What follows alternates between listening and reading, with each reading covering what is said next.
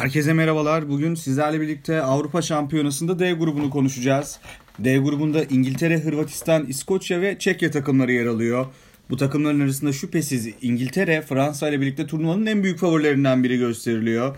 İngilizler aynı zamanda turnuvanın ev sahibi ülkelerinden biri konumunda ve e, finalin de İngiltere'de olacak olması İngiltere için büyük bir avantaj ve İngiliz halkı için de artık Avrupa Şampiyonası'nda bir başarı beklentisi mevcut. E, İngilizlerin en büyük Avrupa Şampiyonası başarısı yarı final oldu bugüne kadar. 1968 ve 1996'da yarı final gördüler. Ancak henüz final göremeyen bir büyük takım konumunda İngiltere. İngilizlerde bu turnuvada şüphesiz gözler Tottenham'ın yıldız oyuncusu, yıldızı Harry Kane üzerinde olacak. Mourinho günleriyle birlikte Tottenham'da inanılmaz bir çıkışa imza attı bu sene. Golcülüğün yanı sıra gol paslarında da ne kadar etkili olduğunu gördük Harry Kane'in. Ee, Harry Kane'i evrensel bir süperstar yapabileceğini söylemişti Jose Mourinho. Buna Ronaldo ve Messi gibi olmak istiyorum yanıtını vermişti Harry Kane. Belki de kariyerinin en golcü olması da en etkili sezonunu geride bıraktı. E, oyun içerisinde farklı rollere çok rahat adapte oldu. Takım için e, savunmanın başlangıç noktası oldu. Ön hatta takım savunmasına da büyük yardımları dokundu. Bu sezon e, Tottenham maçlarında bazı maçlarında onu e, baktığınızda bir forvet olarak göremeyebilirsiniz. O kadar savunmaya yardım etti ki maçı izlediğinizde Harry Kane olmadığını bilseniz o ismin 6 numara veya 8 e, numara oynadığını bile zannedebilirsiniz. Zaman zaman o kadar gerilere gelip oyun kurmasına Tottenham'ın yardımcı oldu. İngiltere milli takımının teknik direktörüne değinelim. Gareth Southgate. Hocalık kariyerinin büyük bölümünü uluslararası futbolda geçirmenin e, bir etkisi olacaktır onun üzerinde. Gareth Southgate turnuva futbolunu belirleyen küçük detaylara çok önem veren bir teknik adam. 2018'de duran toplarda 9 gol buldular ki bu Dünya Kupaları tarihinde bir rekor ve kesinlikle bir tesadüf olduğunu da düşünmüyorum ben. Bu takımın şüphesiz bir diğer bu turnuvada dikkat çekecek geçtiğimiz sezon vitrine çıkan Pep Guardiola'nın da üstüne basa basa çalıştığım en yetenekli futbolcu dediği Phil Foden'ın üzerinde. 4 sezondur City kadrosunda yer alıyor Phil Foden. Ee, kazandığı kupalar şimdiden çift basamakları bulmuş durumda. Foden 21 yaşında ancak bu kariyer onu 21 yaşında göstermiyor aslında bizlere. Özellikle bu sezon Şampiyonlar Ligi'ndeki performansı onu Mbappe ve Haaland'ın yanına gelecekteki dünyanın en iyisi kim olur sorularında onu da eklememize dahil oldu. Ronaldo ve Messi'den sonra futbolun efendiliğini kim alacak? Haaland mı Mbappe mi derken bir anda o ikilinin arasında bir de Phil Foden da eklemiş bulduk. İngilizlerin e, muhtemel 11'ine baktığımız zaman kalede Pickford'un olmasını bekliyoruz.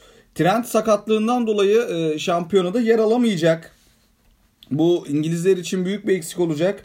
Stoperlerde Harry Maguire ve Stones'u göreceğiz. Solda muhtemelen Luke Shaw yer alacak. Önlerinde Jordan Anderson, Declan Rice, Mason Mount.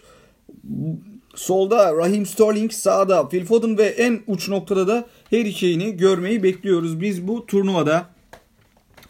Bu kadronun içerisinde şöyle baktığımız zaman Declan Rice'ın da çok önemli bir rol olduğunu söylemekte fayda var. E, turnuvanın başlamasında kısa süre önce kalan e, bir sakatlık yaşadı Declan Rice ancak e, muhtemelen iyileşecek ve turnuvada yer alacak. Orta sahada e, işin hem savunma yönünü hem de geriden oyun kurma aşamasını çok iyi yapabilen bir oyuncu Declan Rice. Genç yaşına rağmen oyunda gösterdiği olgun tavır ve soğukkanlılığı onun İngiltere milli takımının vazgeçilmezi arasına yazıyor. Ve D grubunun bir diğer favorisi, muhtemel ikincisi hatta bir sürpriz sonuçla turnuvayı lider de kapatabilirler. Son Dünya Şampiyonası'nın finalistlerinden bahsediyoruz. Hırvatistan. Hırvatistan'da şüphesiz yıldız Luka Modric. Ronaldo ve Messi'nin futbolda hüküm sürdüğü bu çağda Ballon d'Or almış bir oyuncudan bahsediyoruz.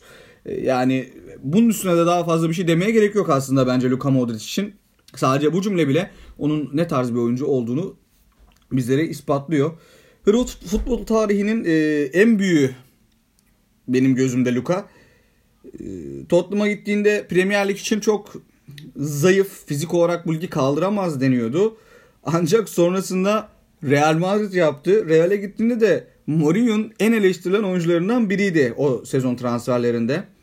Hırvat milli takımında 10 numaralı formayı ve terletiyor. Aynı zamanda poz bende koluna takmış durumda Luka Modric.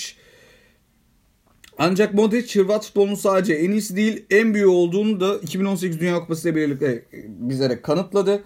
Bu turnuvada da şüphesiz Hırvatların en büyük umudu o olacak gibi duruyor. Ve Hırvatistan'da son dönemde hücumda yaşadığı üretim sıkıntısının elbette tek bir sebebi yok ancak bu sıkıntıyı çözebilecek bir isim mevcut. Ante Rebic. 9 numaradaki e, soru işareti hala o mu olacak? Petkovic mi olacak? Rebic'i kanatta mı göreceğiz? Tartışılır. Ancak e, Rebic'in bu sezon e, Serie A'da oldukça iyi bir sezon geçirdiğini söylemekte fayda var. E, Perişic'in yeri muhtemelen e, garanti olacak kadroda ancak diğer tarafta Rebic e, mi olacak? Brekalo mu olacak? Zlatko Dalic hangisini tercih edecek?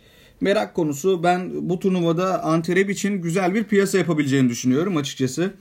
Dalic demişken kısaca Zlatko Dalic'ten de bahsedelim. 2018 yılında Dünya Kupası'na gitmek için toplanan takımla bu takım arasında bir fark e, göremediğimizi söylemek mümkün. Yalnız bu kez e, bir düşmanımız var. Bu da beklenti dedi Hırvat teknik adam. E, krizdeki bir takımdan kazanan bir takımı e, yaratmayı başardı Dalic. Hırvatistan için. Euro 2016'da son 16 gördüler. 2012'de grup aşamasında turnuva veda ettiler. 2008'de çeyrek finalde bize takıldılar. O Türkiye'ye takıldılar. Ancak bu sefer özellikle son Dünya Kupası'nda finalde gelmesiyle birlikte Hırvatların beklentisi de artmış durumda Avrupa Şampiyonası için. Muhtemelen bölümlerine göz atacak olursak kalede Livakovic'in yer alması bekleniyor. Savunmanın sağında Vrsaliko, solunda Barisic, Stoper ikilisinde Beşiktaş'tan tanıdığımız Domagoj Vida ve Dejan Lovren'in yer almasını bekliyoruz. Orta hatta Brozovic, Kovacic, Modric göreceğiz gibi duruyor. Hücumun solunda biraz daha Solic ve Sahic gibi diziliyorlar sahaya. Ivan Perisic ve Ante Rebic'i görmemiz mümkün. En uç noktada da Petrovic'i görürüz gibi duruyor Avrupa Şampiyonası'nda. Gelelim Avrupa Şampiyonaların gediklerinden bir takıma.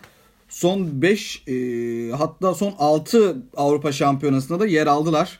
96'da final oynadılar. Son turnuvada gruplarda elendiler. E, 2012'de bir çeyrek finalleri var.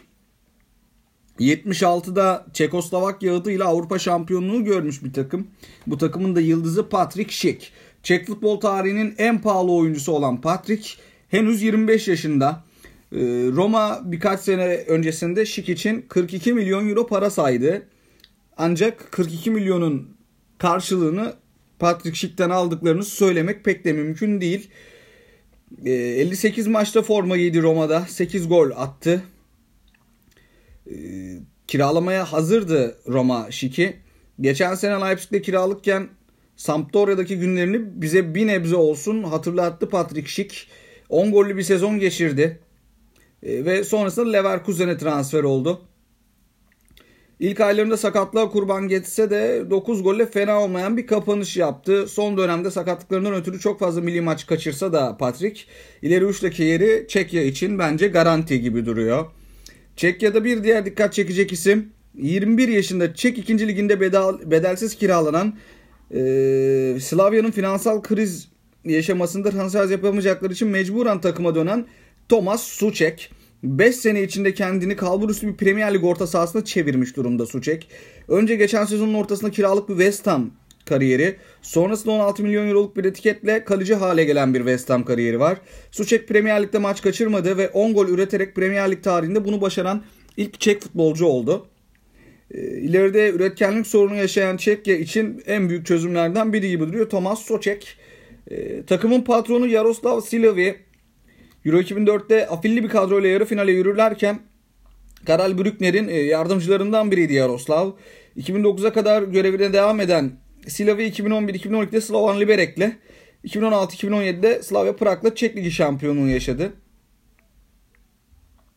Milli takımla kontratı geçen yaz yenilenen Silavi 2022 Dünya Kupası e, sonuna kadar da takımla duracak gibi duruyor. Oyunculuk kariyerini bir savunmacı olarak geçirdi. E, Çek 1. liginde çıktı 465 maçla bu alanda hala bir en fazla maça çıkan oyuncu e, kimliğini taşıyor Yaroslav Silavi. Çeklerin muhtemel 11'ine baktığımızda kalede Vaçlik'i göreceğiz. Savunmanın sağında Çufal, solunda Boril, Ön ikili de Çelutska, Kudela. Ee, orta sahada Alex Kral e, ve Thomas Suçek'i göreceğiz. 10 numara pozisyonunda Darida'yı, hücumun solunda Young Toy'u sağında Maşo Pustu ve en önde de muhtemelen Patrick Şiki izleyeceğiz Avrupa Şampiyonası'nda. Ve geleceğiz bu tak bu grubun en sürprizlere açık takımına. Belçika, Rusya, Kazakistan, Kıbrıs Rum kesimi ve San Marinolu I grubunu 3. sırada bitirdiler. Ee, ve playofflarda İsrail'i penaltılarda 5-3 yendiler. Sonrasında finalde Sırbistan gibi zorlu bir engeli de aşarak Avrupa Şampiyonası biletini aldı İskoçlar. Bu takımın en önemli isimlerinden biri kesinlikle Andrew Robertson.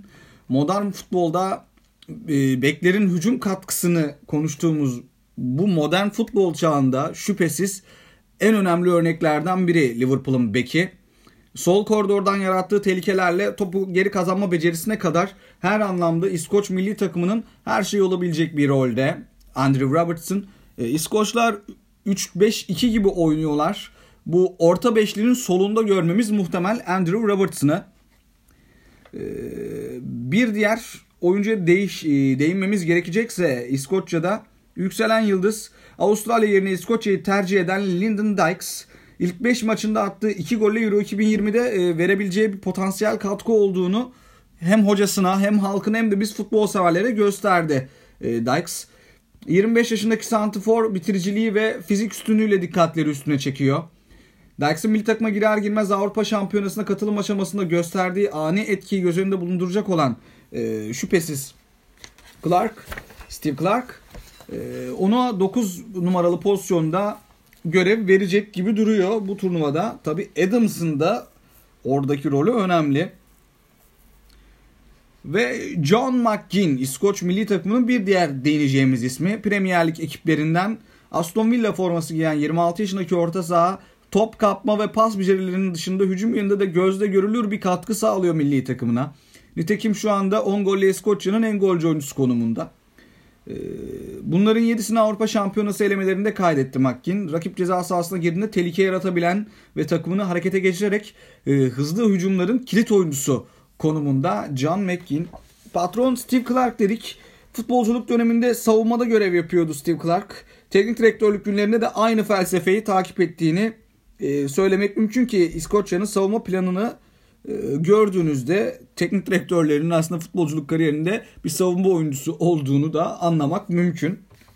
Futbolculuk kariyerinin büyük bir kısmını Chelsea'de geçirdi patronları e, ve yine Chelsea'de futbola veda etti. Chelsea ile Liverpool'daki yardımcı antrenörlük görevleri haricinde pek göze çarpan bir e, teknik adamlık özgeçmişi bulunmuyor.